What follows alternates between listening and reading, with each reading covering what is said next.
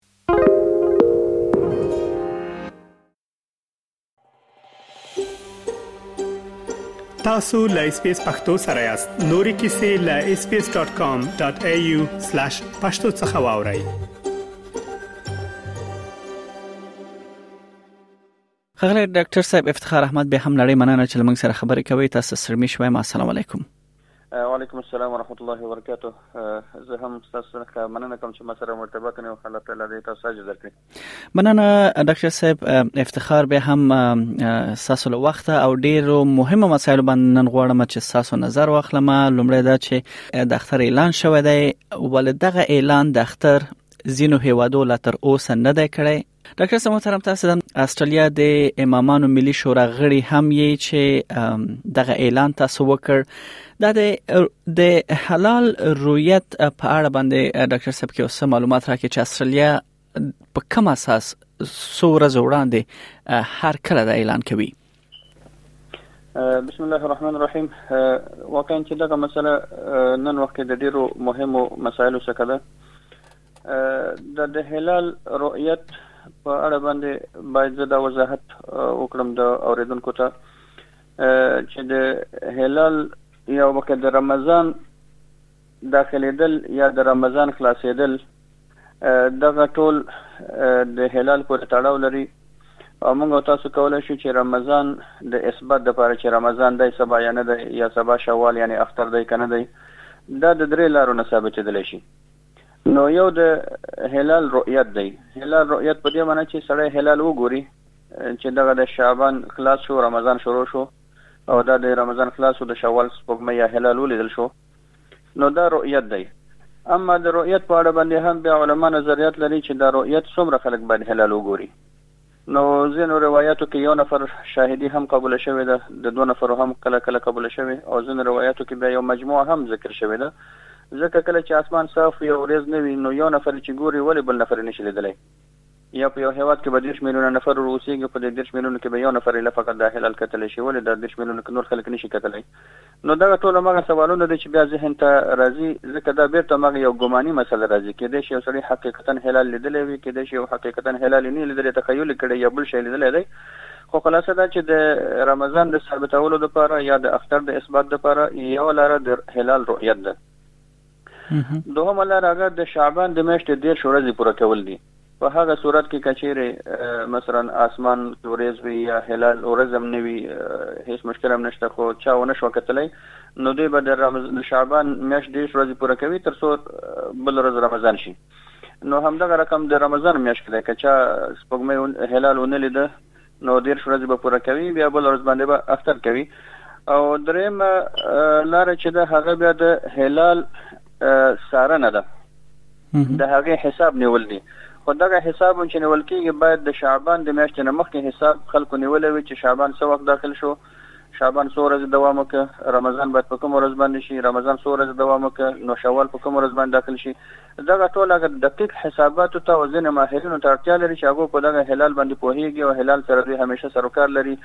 د هلال هغه ځای پیژني کوم ځای کې طلوع کیږي، کوم ځای کې غروب کیږي، د شپې چیرته وي، د ورځې چیرته وي، سهار چیرته وي، دا ټول هغه د هلال هغه حرکات او سکنات دوی ته معلوم وي.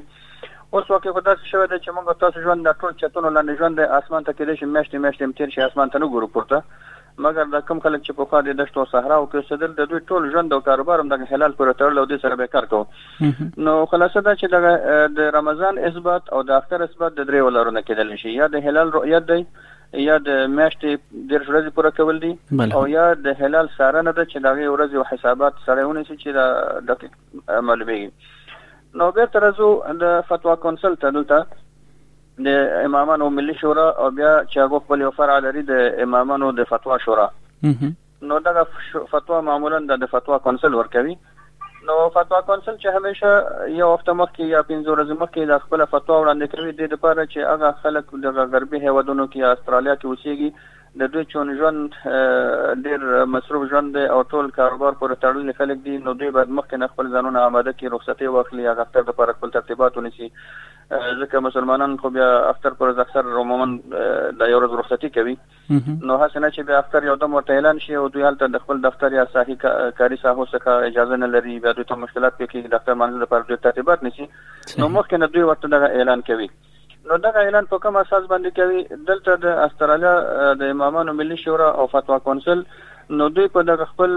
اعلان کې هغه فلکي ادارو په فتوا باندې عمل کوي.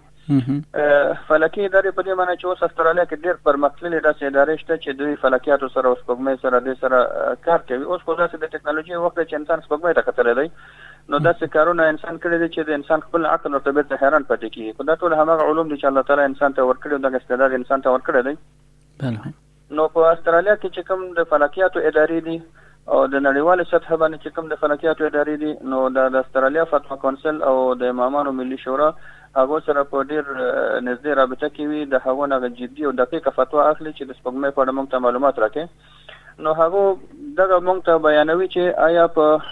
دغه ورځ باندې د د هلال د لیدلو امکان شته یا نشته ځکه اوس وخت د فلکیاتو ادارو دغه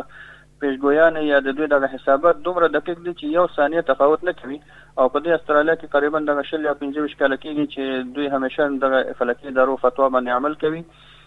نو تر اوسه پورې هیڅ وار داسې نه ده شوې چې د دوی هغه فتوا غلطه ثابته شوې وي مونږ تاسو بیا که اسلامي تاریخ ته وګورو د اسلام په ابتدا کې چې کله رسول الله صلی الله علیه وسلم په نبوت باندې مبعوث شو مشرف شو نو هغه وخت د عربان اصلا د هلال یا سپګمې په دې سارونو د شانو باندې دوی نه پوهیدل او هغه وخت کې د ټکنالوژي وسایل هم نو نو ځکه رسول الله صلی الله علیه وسلم یو حدیث شریف کې فرمایي چې ان امه امیه لا نكتب ولا نحسب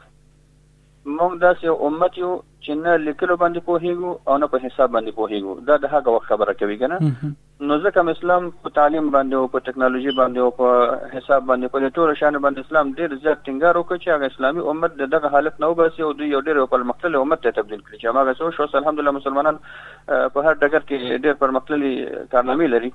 او اوسنی دا ساينسي علومو ته که ګورو د دوی هغه اساس کې د پخوانیو مسلمانانو ډیر غټ رول په دې کې شته پروت دی نو په دغه اساس چې هغه وخت خلک په دې خط او کتابت باندې په دې حساب باندې هم نه پوهېدل نو رسول الله صلی الله علیه وسلم دوی ته داسې یو اسانه وسیله وښودله چې د دوی هغه استعداد او د دوی توانمندي هغه کولی شو نو دوی ته وفرمایل چې تاسو د سپوږمۍ یا د هلال په لیدلو سره روژه ونیسئ او د هلال په لیدلو سره روژه ماته کړئ یعنی اختر وکړي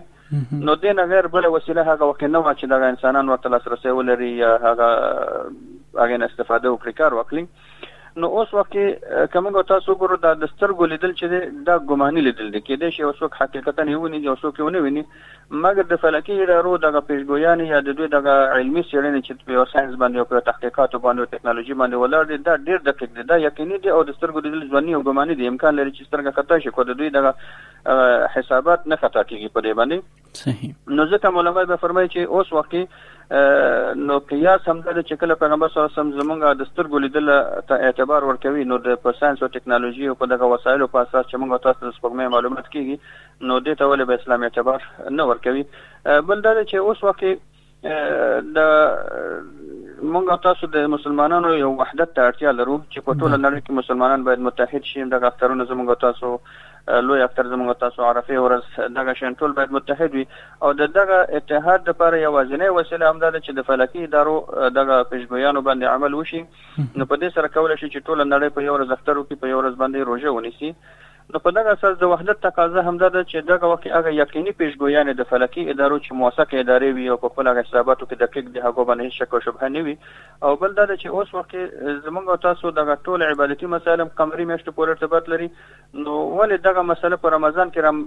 مخته کېږي په دې نور میاشتو کې نه را مخته کېږي اوس حج هم د دغه فلکي ادارو په فتوا باندې کېږي حج کې څوک سپوږمۍ ته نه ګوري د فلکي ادارو په فتوا عمل کوي زموږ او تاسو د ټول د میاشت کې د 12 میاشتې قمري میاشتې همدغه د د فلکي ادارو په فتوا باندې د زموږ لمونځونه او د نور مسایل ټول نو هغه وخت دا مسایل نه بحث کوي اوس راځو دې نقطې ته که د اختر لمونځ پاتې شي یا څوک په کور کې وکړي دا څه حکم لري په دغه اساس باندې جمهور علما دا وایي که چانه د اختر لمونځ فوت شو پاتې شو په یو عذر باندې یا د مرستیا په سبب یا په هر شکل باندې یعنی د اختر جماعت نه تیر شو دا غو نورمال حالت یاد هم دسله صحیح نو په نورمال عادي حالاتو کې کچانه دفتر لمونځ پاتې شو نو د په خپل کور کې وکی دا د جمهور د اکثریت علما نظر دی او دوی دلیل هم ځان ته دانه چې دا کار په اسلامي تاریخ کې شوی دی او هغه د دسه او چا په واسطه باندې چې انس ابن مالک رضی الله عنه د رسول الله صلی الله علیه وسلم یو صحابي دی ملګری دی